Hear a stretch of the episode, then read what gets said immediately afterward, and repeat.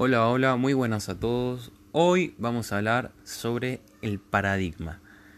¿Qué es el paradigma? Según Thomas Kuhn, un filósofo estadounidense, un paradigma constituye un modelo científico, una cosmovisión, una forma de percibir y explicar la realidad.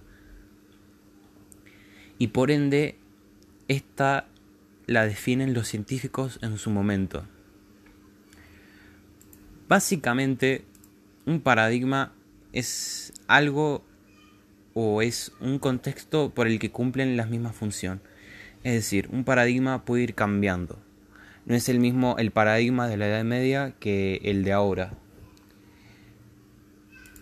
También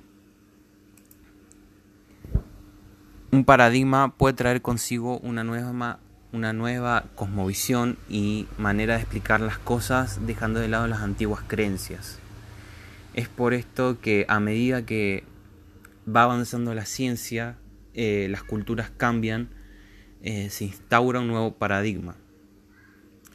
Eh, y con respecto ahora, 2019, nuestro paradigma sería el coronavirus. ¿Por qué el coronavirus?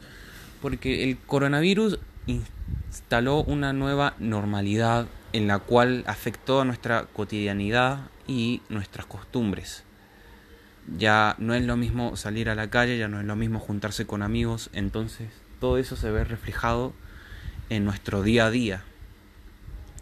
Y de hecho esto se puede tomar como una nueva un nuevo paradigma